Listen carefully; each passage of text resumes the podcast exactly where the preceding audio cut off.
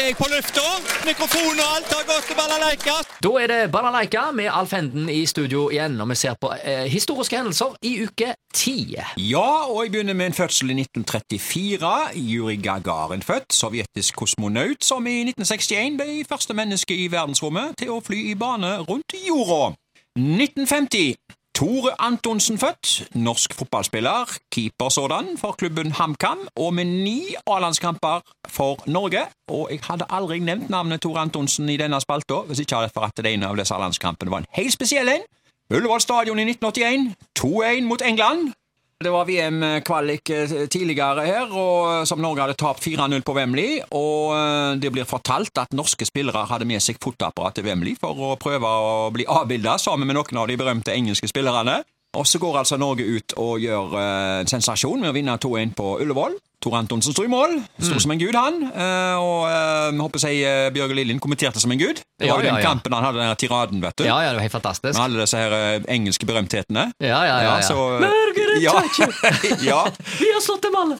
Your boys took a hell of a beating for Maggie Thatcher. Norge har slått England i fotball. Vi er best i verden. Terje Dalby Vær så god! Ja, ja, ja. En herlig eh, kveld for fotball. Og jeg husker eh, Dagsrevyen. Det var jo På denne tida her så sendte jo ikke NRK um, landskamper direkte.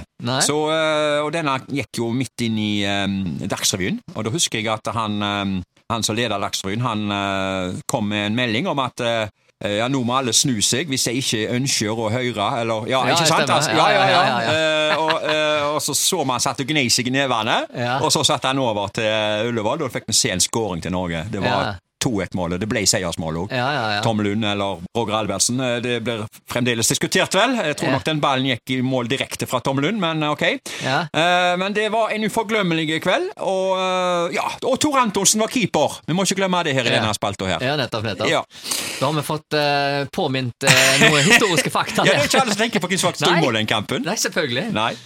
Fort gjort å glemme. Ja. hendelser internasjonalt. 1959. Barbie-dukka blir lagt ut for salg. Og det var svære greier. Ja, det er ja, fortsatt svære greier, faktisk. Ja, ja, ja. Barbie Girl eh, kom jo med Aqualene en del år. Ja, ja, ja, 1997 kom vel den. Ja. 1967. Josef Stalins datter Svetlana Aljeva hoppa av til USA. Jeg vet ikke hvorfor hun gjorde det. Det var iallfall ikke pga. faren. Han var jo død og begravd for lengst. Så... Ja, men det var kanskje derfor. Da hadde ikke noe holdt seg igjen, og så kunne du få noen good deals. ikke sant? Ja, det går ofte på mammon, vet du. Ja, ja eh, hendelser lokalt. Eh, kino uke 10, 1998. Edda gikk Titanic. og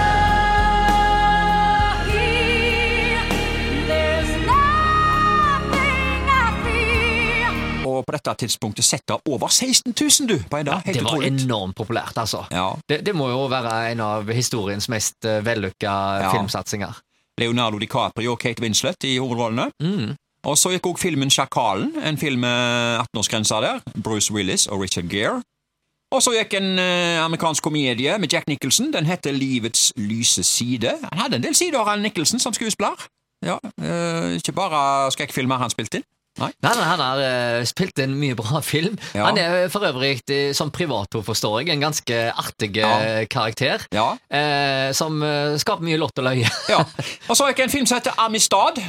det var en Steven Spielberg-film. En slavefilm med Anthony Hopkins i hovedrollen. Den husker jeg. En veldig utrolig fascinerende film. Jeg tar med to til. En dag til i solen, en norsk film der. Og så Starship Troopers, en amerikansk action. Det var kinemenyen i 1998 i uke ti, da. Ja. Og så, 1972. Eh, en overskrift i eh, Haugesunds Dagblad. Trailersjåfører, da. Trailersjåførene fra Haugesund tar aldri opp tvilsomme haikere, men militære og skoleungdommer i særklasse. Jeg siterer videre. Det går med full fart mot vår og sommer og ferieliv. For svært mange, storparten ungdommer, er ferieliv ensbetydende med haikeliv. Noen påstår å ha reist nesten jorden rundt ved hjelp av tommelen, men ikke bare i ferietiden. Den samme tommel benyttes svært meget til de forskjellige årstider. En svært billig måte å reise på. Ja, og Så var det et intervju da med noen trailersjåfører, og øh, de fikk spørsmålet er trailersjåfører mer populære å haike med enn personbiler. Det ser i grunnen slik ut. Det er mulig at haikerne stoler mer på trailersjåførene enn på privatbilistene, var det en som svarte da. Ja, altså Sjøl har jeg ingen personlige haikeopplevelser å berette om, men eh, jeg erindrer noen filmthrillere eh, der haikere er tatt opp av nettopp trailersjåfører, og at det ikke gikk så bra. Nei, det gjorde jo ikke det. Nei? Så hvis du har sett litt på film, så vil du kanskje være av den motsatte oppfatningen i forhold til han som hadde uttalt seg her. Ja. Har du noen haikeopplevelser? Har du haika, eller tatt opp haika, så du husker? Ja, det var én gang vi, vi måtte haike. Vi hadde gått litt for langt. Jeg husker det var meg og eh, noen kompiser i nabolaget når vi var Ja. sånt, eh, vet ikke jeg, åtte-ni år. Så eh, en fin sommerdag. Vi fant ut at vi skulle gå fra Jamnhaug til Steinsfjellet.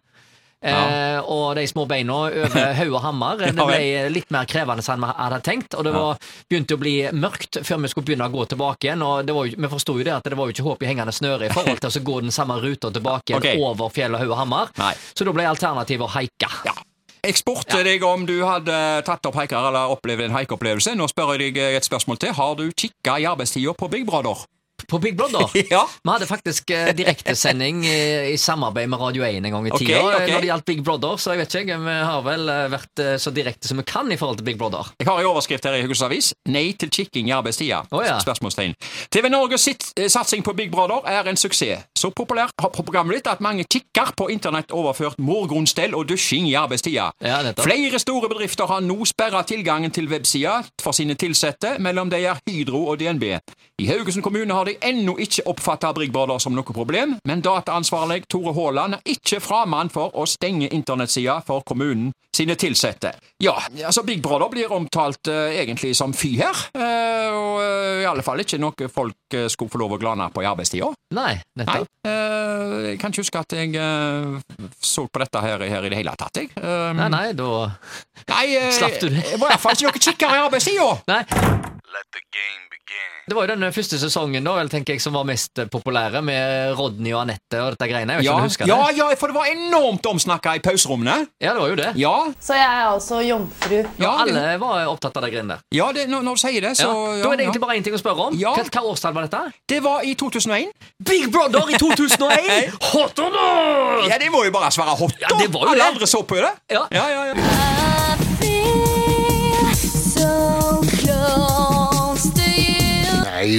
Nei, umiddelbar tanke er jo at det er synd på folk som har så fattig liv. Jeg, jeg, jeg, kan, nei, jeg kan ikke skjønne det. Jeg kan egentlig ikke det. Jeg syns at sosialpornografi er, er veldig dekkende for, for hva det er.